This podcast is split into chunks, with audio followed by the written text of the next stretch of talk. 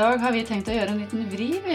Og det er eh, at vi har eh, et ønske om å ta utgangspunkt i en tekst som vi har funnet på nettsiden til Institutt for psykologisk rådgivning. Eh, den heter 'Med følelse som kompass'. Og vi tenkte at linken til den teksten kan vi legge ut på Facebook-siden vår. Sånn at hvis du har interesse av å å, repetere litt eller ta dette opp igjen etter å ha hørt denne episoden, så er det fullt mulig. Så vi kan vel egentlig bare sette i gang med dette? Ja, det kan vi godt. Um, for da har vi vel tenkt litt sånn at vi bruker eh, Det er et, eh, det er et eksempel eh, i den teksten eh, som vi har lyst til å, å bruke. Eh, en, en, en, liten sånn konstruert historie om en som heter Jørgen. Men som er veldig realistisk for de fleste av oss, tenker jeg. Det tenker jeg også at den er. Og den kan være sammenlignbar i mange situasjoner. Um, så vi bygger det vel litt opp med at vi um, siterer litt av den teksten fra uh, eksempelet, og så snakker vi to litt rundt det uh, Eh, etter hver bolk, da. Vi deler eksempelet opp i flere bolker. Mm. Er du Ja? Så skal vi ta første bolk? Bare gå rett på, du. Ok. Sånn går det. Hva faen gjør jeg her? Dette går til helvete. Jørgen er fem minutter unna presentasjonen han skal holde for sine nye kolleger. Tre måneder har han vært her nå. Tre måneder med uro, flakkende blikk og et hode som kverner over neste dags gjøremål så snart det treffer hodeputen. Rastløsheten i ham strammer grepet om ham og vokser mens han ser minuttviseren nærme seg tolvtallet. Det blir alltid sånn. Hjertet hamrer, halsen snører seg sammen i panikk, og rommet gynger. Han holder seg fast i bordet, mens hjernen bare spinner. Alt jeg har fått til før, har bare vært flaks. Nå kommer jeg til å drite meg ut, og alle de andre vil se at jeg ikke kan noen ting. Jeg kan like godt si opp før de sparker meg. Ja. Dette tenker jeg er en, en situasjon som mange kjenner seg igjen i. At uh, presentasjoner eller andre ting føles bare helt håpløst. At du har ingenting der å gjøre. Men uh, hvis du har en kollega som opplever dette her, hva tenker du er en helt sånn Hva er det typisk at uh, man trår til med for å trøste og hjelpe en kollega i en sånn situasjon? Ja, det første jeg tenker hvis, hvis jeg som kollega snapp, snapper opp eh, eh liksom denne type frustrasjonen hos, eh, hos, Jørgen, da, er jo at jeg har lyst til å eh, liksom berolige ham med at nei da, dette her det fikser du så fint, og og det går bra, og det er ikke så skummelt som, som du liksom innbiller deg. Nå, du, over, du overdramatiserer litt, og det går fint. Det går fint. Så jeg har egentlig litt lyst til å trøste den. Ja. Og hvis, hvis noen sa det til deg som en person Kom med alle de ordene. Hvis du vrir nå hele situasjonen trill rundt og tenker at du, du fikk høre alle de ordene hvis du, hvis du sto i det samme som han opplevde nå, hvordan eh, ville det opplevdes av deg? Jeg er ikke så sikker på at det ville virke. Uh, jeg, jeg, muligens ville faktisk da havne i en sånn uh, Nesten sånn skvis at uh, jeg later som at det vedkommende sier til meg, virker. Sier jeg ja, ok, liksom takk for støtten, og jeg skal ta det til meg, og, og du har sikkert rett. Men inni meg så er det ingenting som er forandret. jeg vil fortsatt være like Altså føle meg like dust og øh, ubrukelig og være redd for å feile. Mm. Mm. Kunne du få en følelse av at uh, det du uttrykker som du føler, føler, er feil? At det du uttrykker, er bare dumt? Ja, jeg, vil, ja, jeg, jeg tenker det nesten er et uttrykk for det. Fordi jeg vil jo da, da da ser jeg på det som at da gjør jeg alt jeg kan for å skjule det jeg egentlig eh, har inni meg, overfor den som prøver å trøste meg, da. Fordi jeg går ut ifra at eh, den ikke, ikke forstår det. Eh, Eller eh, så vil jeg tenke at eh, det er jeg som er dum. Altså det jeg føler er feil, da. Ja. Ikke sant. Fordi det blir på en måte Så hvordan- påpekt at eh, Ja. Mm. Mm. Så hvordan kan vi, hvordan kan vi hjelpe denne Jørgen eh, uten å gjøre det verre? For hvis vi kommer nå med alle de tankene som vi sa i sted, at nei, nei, men du gjorde det kjempebra, og det var superbra, og nå er du altfor kritisk mot deg selv og sånn, så kan det være at vi, vi liksom bare forsterker den der følelsen han egentlig har. Vi, så hvordan kan vi hjelpe han til å, til å øh, se situasjonen for hvordan den egentlig er? Hvordan kan vi hjelpe han til at denne situasjonen kan han få eie, og den kan bli mer ekte? Mm, da er vi jo eh, med en gang inne på følelsene. Um, Er du klar for å akseptere eh, et større spekter av, eh, av følelser? Eh, og er du da klar for å akseptere at Jørgen har de følelsene han har?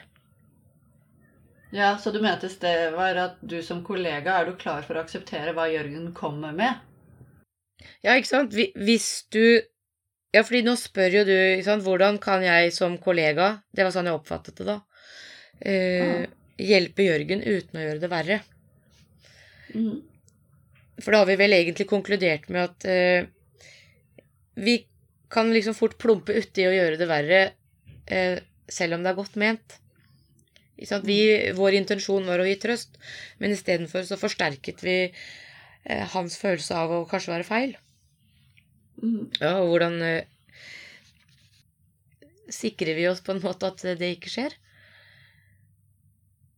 Da trenger jo på en måte jeg som kollega eller eh, som terapeut å ha en større forståelse av hvor følelser kommer fra, og uh, at det på en måte ligger i flere lag, tenker jeg. Ja. Mm.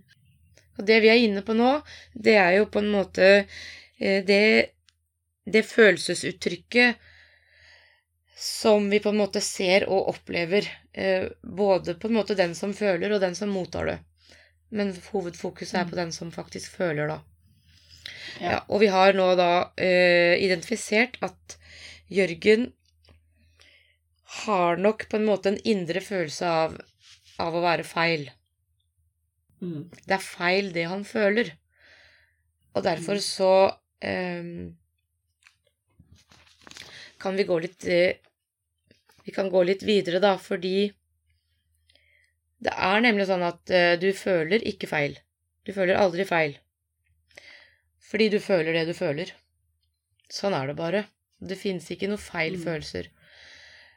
Og det at du føler det du føler, det har veldig ofte rot i noe eh, du har opplevd og erfart før. Ja. Det er noe i Jørgens liv som har preget han, og gjør at han får så, så får ham til å føle seg som om han ikke er god nok, og at han vil hvert øyeblikk bli avslørt.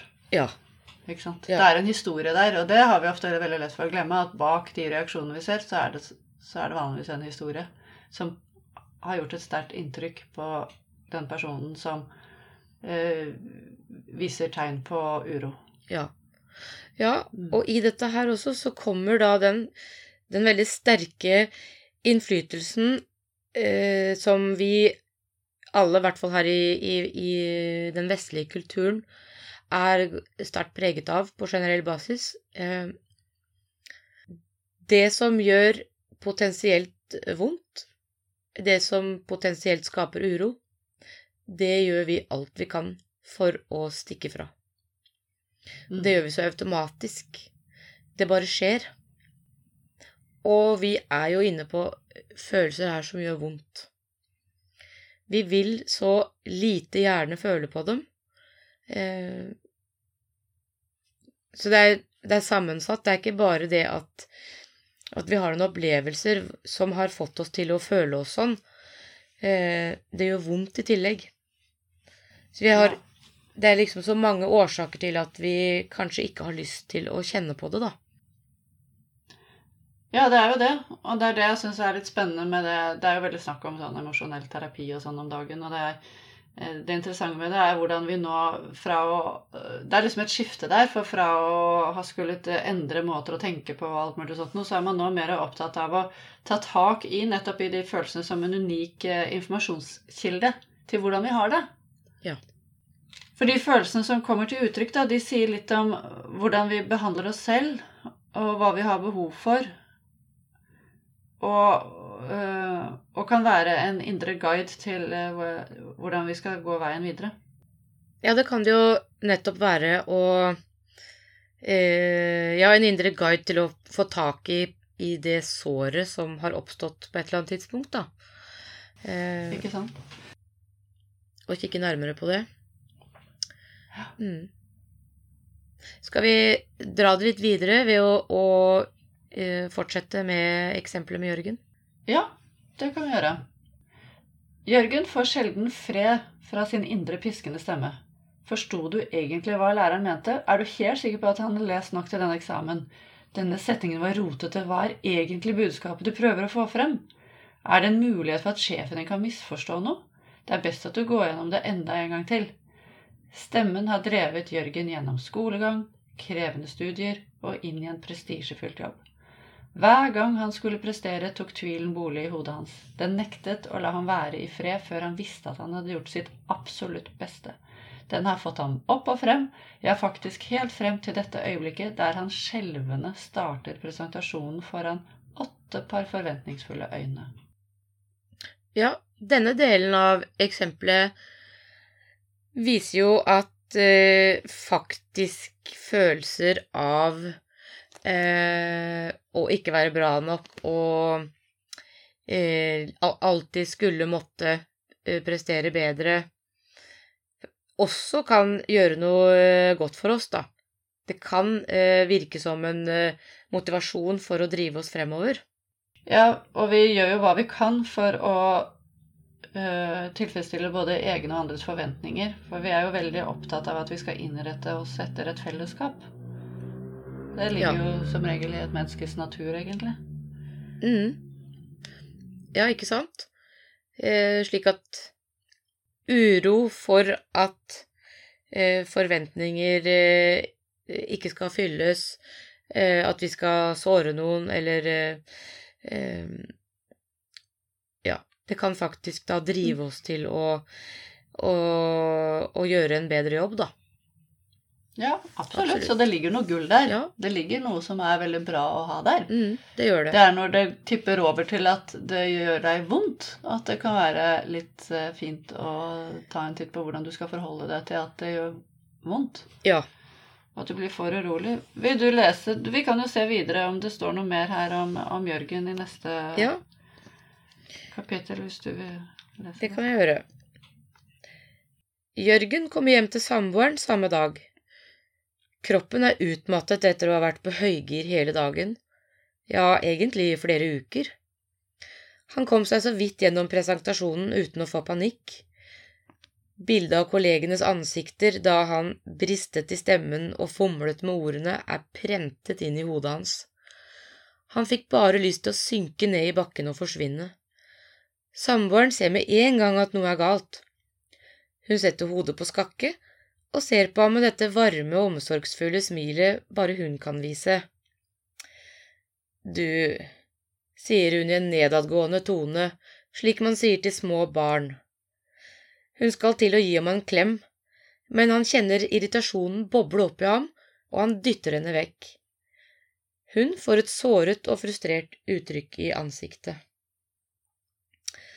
Ja, så hva skjer her? Dette tror jeg også veldig mange kjenner seg veldig godt Ja. igjen i. Ja, dette er jo en, en situasjon eh, sikkert de fleste av oss eh, kjenner oss igjen i. Så hva skjedde egentlig her? Hva skjer med Jørgen når han blir møtt på den måten? At samboeren står der og liksom så medfølende og uff. Hva skjer inni ham da? Ja, da tenker jeg at eh, han er nærmere enn noen gang disse vonde følelsene som han ikke har lyst til å kjenne på. Eh, fordi han er eh, Han er jo redd for å bli avslørt for at han er på en måte liten og ubrukelig. Og det tror jeg kanskje at han føler eh, hun toucher når hun nærmer seg han på den måten. Selv om egentlig så er det jo det han har behov for. Ja, ikke sant? Han trenger jo litt sånn omsorg og forståelse her. Ja, det er jo egentlig det han gjør. Men isteden Ja. så bare da Så dytter han det bort så kraftig han bare kan. Fordi at han tør jo ikke å kjenne på det selv engang.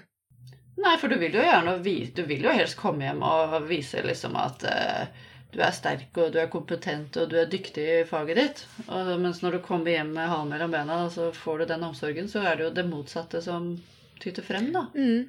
Og, og hvorfor er det sånn for Jørgen, mon tro? Da er vi til, nok en gang tilbake på hans tidligere eh, opplevelser og erfaringer som eh, sannsynligvis har, har skapt noen sår hos han. Så vi begynner jo egentlig å nærme oss eh, en identifisering av kanskje eh, de følelsene som, vi, som faktisk ligger bak her. Ja, Så at. Nå har vi jo touchet mange følelser som kommer til uttrykk, men som allikevel eh, eh, brukes for å dekke over andre følelser. Ja, og det er det som er så interessant i dette her. fordi at sant, han blir sint, og han vil bare vekk fra henne. Så han reagerte på en følelse med en annen følelse. Ja, ikke sant? Og det, det er mye det det som trigger meg i det vi driver med, og, altså, og det i samlivet med andre mennesker. Det er nettopp det der å se at det vi ser at vi viser, det er noe som dekker over noe annet som er gjemt, og som kan være utrolig vanskelig å få tak i. Ja. Ja, og det kan jo være utrolig vanskelig å få tak i, fordi det er knyttet så mye, eh, så mye skam og så mye følelse av, av feil at vi er, vi, har, vi, under, vi har undertrykt det over så lang tid at vi ikke lenger selv er klar over at de finnes der. Mm. Og det er jo nettopp dette vi snakker om når vi snakker om eh, når du eh, kjenner på motstand, når du kjenner på irritasjon, eh, ta et skritt tilbake, kjenne etter hva som skjer i deg. Det vi er på jakt etter da, er jo nettopp følelsen bak følelsen. Ja, det er, det er jo det. Mm. For det er jo nesten uten unntak. eh, Så er det flere lag her, ja. Eh, Mm. Og vi kan jo, vi kan jo eh, oppsummere denne sekvensen med, med forfatternes egne konklusjoner her også. At, eh, at når vi egentlig har behov for nærhet, så vil et sekundært sinne heller skyve den andre vekk. Våre sekundærfølelser kan ofte være vanskelige for andre å forstå, mens en primærfølelse oftere utløser en passende reaksjon hos den andre. Det er vel litt det vi egentlig har toucha litt her nå. Mm. At vi da også på en måte uttrykker følelser som vi er tryggere på at uh, mottakeren vil forstå. Som Mm. for eksempel sinne, da. Mm. Eh, Vi stoler ikke på at eh, mottakeren vil eh, ta imot, forstå, anerkjenne et behov for nærhet, anerkjennelse Mm. mhm. Det er nettopp det. Det er akkurat det. Uh, ja, nå får jeg lyst til å lese neste, neste avsnitt om, om Jørgen. Jørgen sitter på nåler i stolen inne på terapirommet. Han fomler med hendene og strever med å ikke grøte til stemmen. Det føles så nakent og vondt å snakke om disse opplevelsene og vie så mye oppmerksomhet til hvordan han har det på innsiden.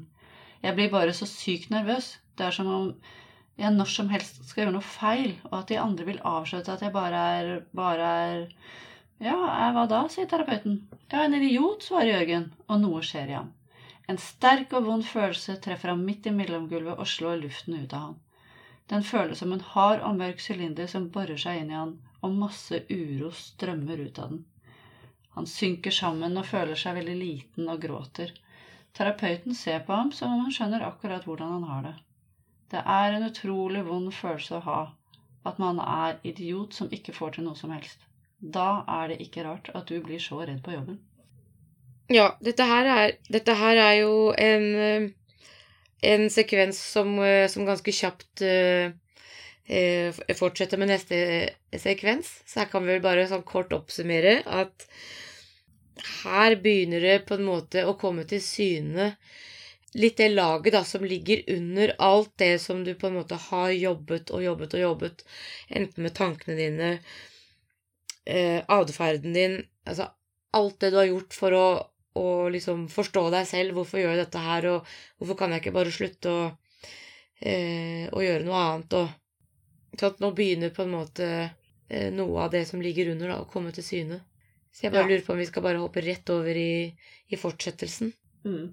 Jeg har bare lyst til å nevne én ting, og det er at det som skjedde her hos terapeuten, var at altså han fikk jo en konkret fysisk reaksjon på det psykiske. Det gjorde han absolutt. Mm. Ja, og det er jo, det er jo et, eh, et, eh, et nyttig Det er nyttig å merke seg, eh, for det skjer nesten alltid. Ja, og det er litt det der at nettopp det som er vondt, og det du helst ikke vil snakke om, og det som smerter deg, det er det du bør snakke om. ja. ja, men, Ja. Men, men der kan vi også finne forståelse for vår lyst da, til å, å flykte fra det. Fordi når det liksom til og med gjør vondt i kroppen, så, så tenker jeg at det er veldig forståelig at man eh, Det første man tenker, det er nesten en refleks. Herregud, dette her, det kan ikke ha det sånn. Dette gjør jo vondt. Nei, selvfølgelig ikke. Ja, selvfølgelig. Ja. Vi vil jo ikke ha det vondt. Nei.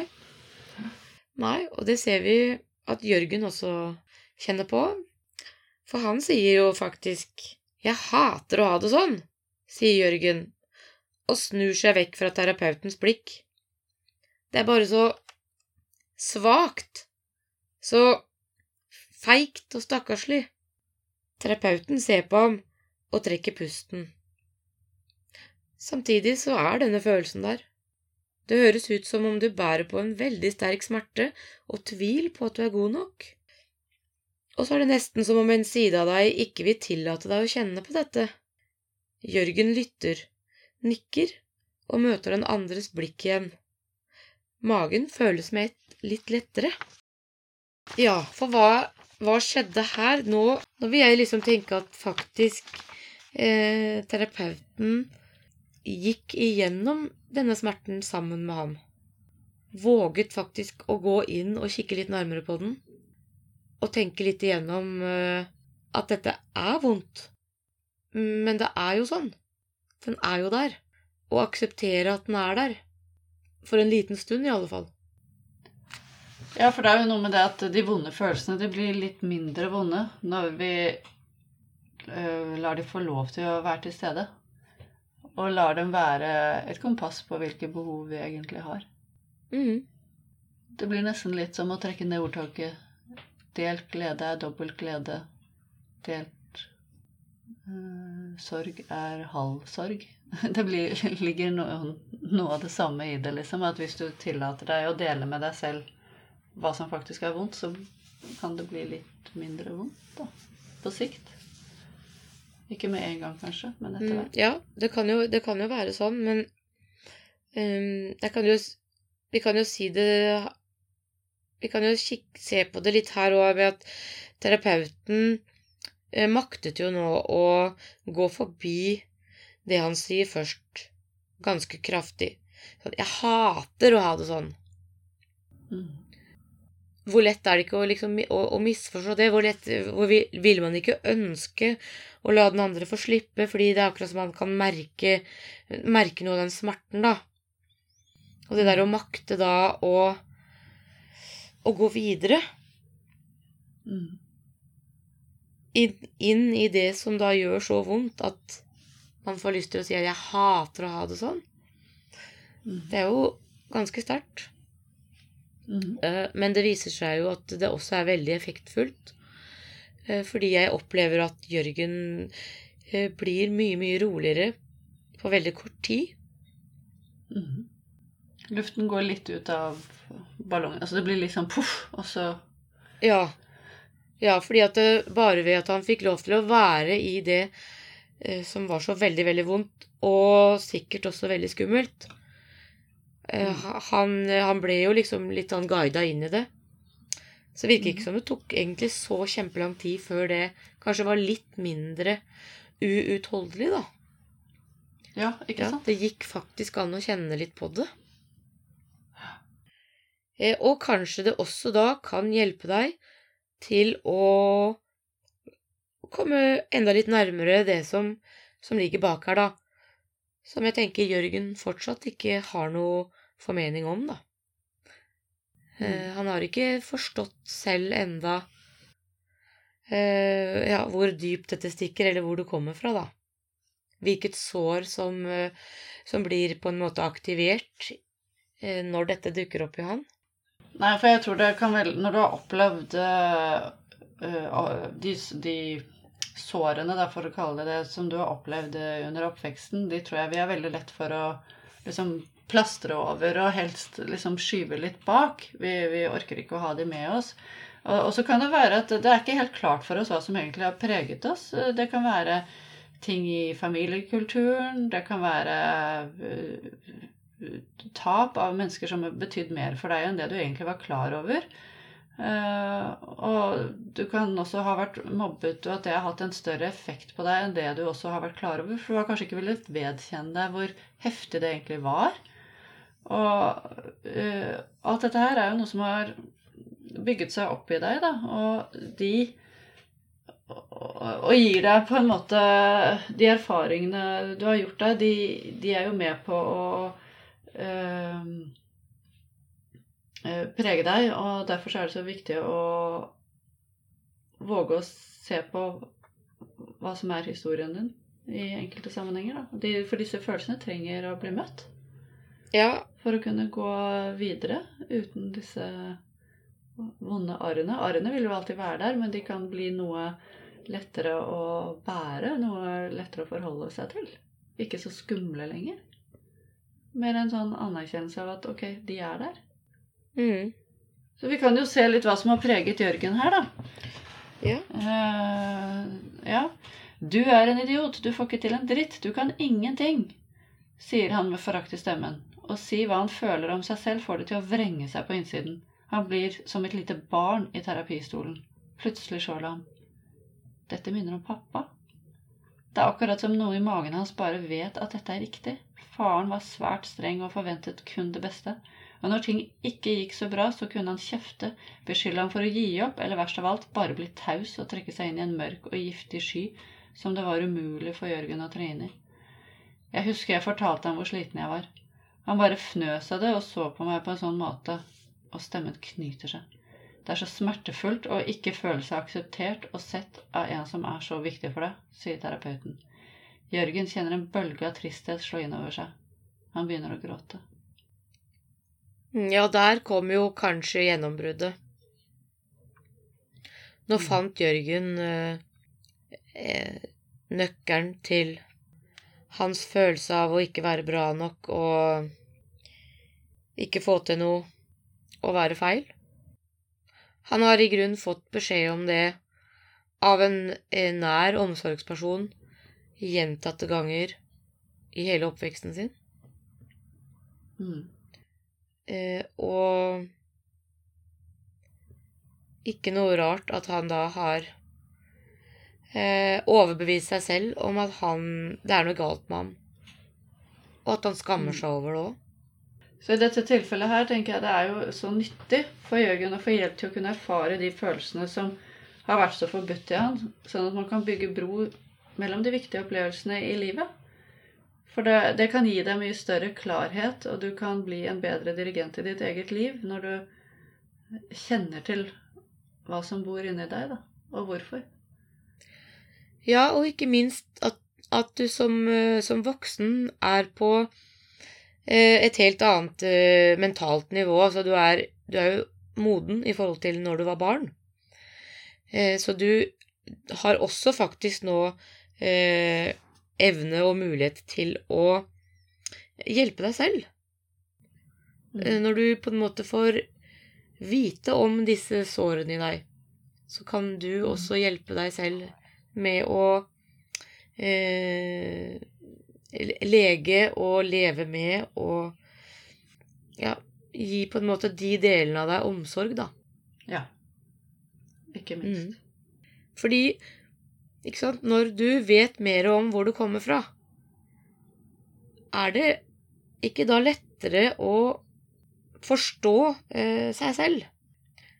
Og jeg har så lyst til å spørre, er det lettere å akseptere seg selv også? Ja, det håper jeg, Jeg får en følelse av at det, det blir litt lettere da. Ja, Men at det tar tid, det tror jeg man må være innstilt på. Fordi det der er ikke gjort i en port å, å bare ta inn over seg alt det som oppstår, og akseptere og si at sånn er det, liksom. Det, det er en prosess man går gjennom, og så spørs det er du villig til å gi, det, gi den prosessen litt tid. Ja. Til å akseptere at ting, ting var som de var. Og så kan du, kan du liksom gi deg selv litt rom og mulighet for å bruke denne informasjonen om deg selv til å øh, ta, ta valg og holdning til deg selv videre i livet, da. Ja, det er nettopp det. Ehm, Vi kan jo gå videre og se hvordan det går med Jørgen øh, i forhold til å reparere litt sånne sår. ja. Da er vi tilbake hos Jørgen i terapistolen. Ehm, som fortsetter sin eh, imaginære samtale med faren sin, vil jeg si. Jeg skulle bare ønske at du kunne si at jeg var god nok slik jeg var, sier Jørgen. Han snakker til en tom stol i terapirommet, men i stolen sitter likevel faren. I hvert fall et indre bilde av faren. Jørgen tørker bort tårer og kjenner en ny varme spre seg over brystet og ansiktet. En uro brer seg utover kroppen, men det er ikke angst sånn som han har kjent på jobben. Han løfter hodet, merker at øynene blir smalere, og merker at to stramme knyttnever rister i fanget hans. Han føler seg sterk. Det er så jævlig dårlig gjort. En sterk og tydelig røst fyller rommet. Jævla drittsekk! Jeg er da for faen meg god nok. Jeg har alltid jobbet sykt hardt for å gjøre deg stolt. Det minste jeg kan forvente tilbake, er at du viser at du bryr deg. Noe skjer i ham, og terapeuten ber ham sitte i den andre stolen og tre inn i farens rolle. Plutselig fylles han av dårlig samvittighet, som raskt skyller over i en voldsom omsorg for den sårede, sinte sønnen som sitter overfor ham. Unnskyld. Så her er vi jo i mål. Her ser vi at Jørgen eh, faktisk eh, står opp for seg sjøl, vil jeg si. For han får, tak, han får tak i det, og han får også tak i det det sinnet som, som kanskje dette som han som barn kanskje ville kjenne over å bli behandla på den måten. Og han tok det også ut. Eh, Selv om det var imaginært, så tror jeg det var veldig utløsende for han. Han gjorde opp dette forholdet med faren for seg selv. Eh, Og det virket helende på Jørgen. Dette er jo ganske merkelige greier. Ja, det er veldig rart at eh, det skal av og til så lite til som en annen stol og litt eh, innlevelse til til å få deg til å bare få et helt annet syn på noe som kan kjennes ganske fastlåst. Og dette er jo et nydelig eksempel på hvordan det er å kjenne på disse sterke følelsene rundt man er, og hvem man har i livet sitt, på en måte. Det, for det, det er jo noe av det som gjør oss til, til de menneskene vi er, da. Uh, og disse følelsene kan være så sterke og vonde, men de er, de er jo ikke farlige. Og der hvor Jørgen tidligere bare var sint og kjølig og tom, så kunne han nå plutselig se ting fra farens selskap og se at de reaksjonene han ser, ser hos faren, samstemmer ikke egentlig nødvendigvis med de følelsene faren har for sønnen sin. Nei, De er et uttrykk som skjuler over noe annet. Ja, ikke sant? Det, det, det vil de jo også være. Eh, men det er jo også noe med at liksom, Jørgen får på en måte fred i sjela si når han endelig har, har funnet på en måte roten, da, eh, til hans uro og hans følelser av eh, eh, å ikke liksom fik fikse det, altså ikke være god nok, da. Når han endelig fant liksom inn til kjernen, og også på en måte fikk eh, gitt det da eh, litt oppmerksomhet. Han fikk liksom selv gitt eh, sin unge gutt anerkjennelse og eh, litt mer respekt, da, Mm. så ble på en måte ikke det behovet så fremtredende I hvert fall ikke i den formen. Altså, de, de behovene vil vi jo alltid ha. Eh, men her vil jeg påstå at det var på en måte en, et fastfryst behov da fra han var eh, barn. Absolutt. Og, og, da, og når du får på en måte løst opp i det, så åpner det seg eh, liksom en helt annen verden for, eh, for deg. Du er, da er du plutselig i stand til å se ting eh, i et helt annet lys, da. Mm. Mm. Så hvordan skal vi avslutte denne seansen? Nei, jeg lurer på om en, en liten oppsummering da kan være dette med at kanskje ikke det der, disse faglige termene med eh, primærfølelser og sekundærfølelser og Det blir liksom så innmari teknisk.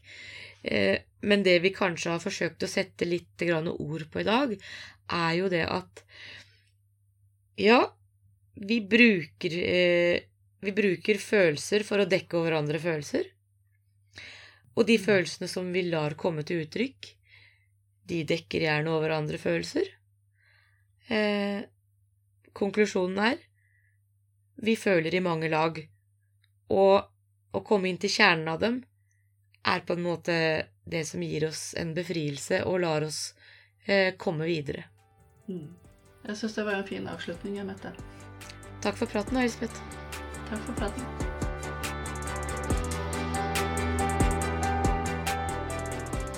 Vi tar gjerne imot innspill, og de kan du sende til mette.gravdal at gmail.com eller elsmon at online.no. Og Vi har Facebook-side og Instagram-konto med samme navn. Takk for praten. Veldig gøy om du har lyst til å følge oss der.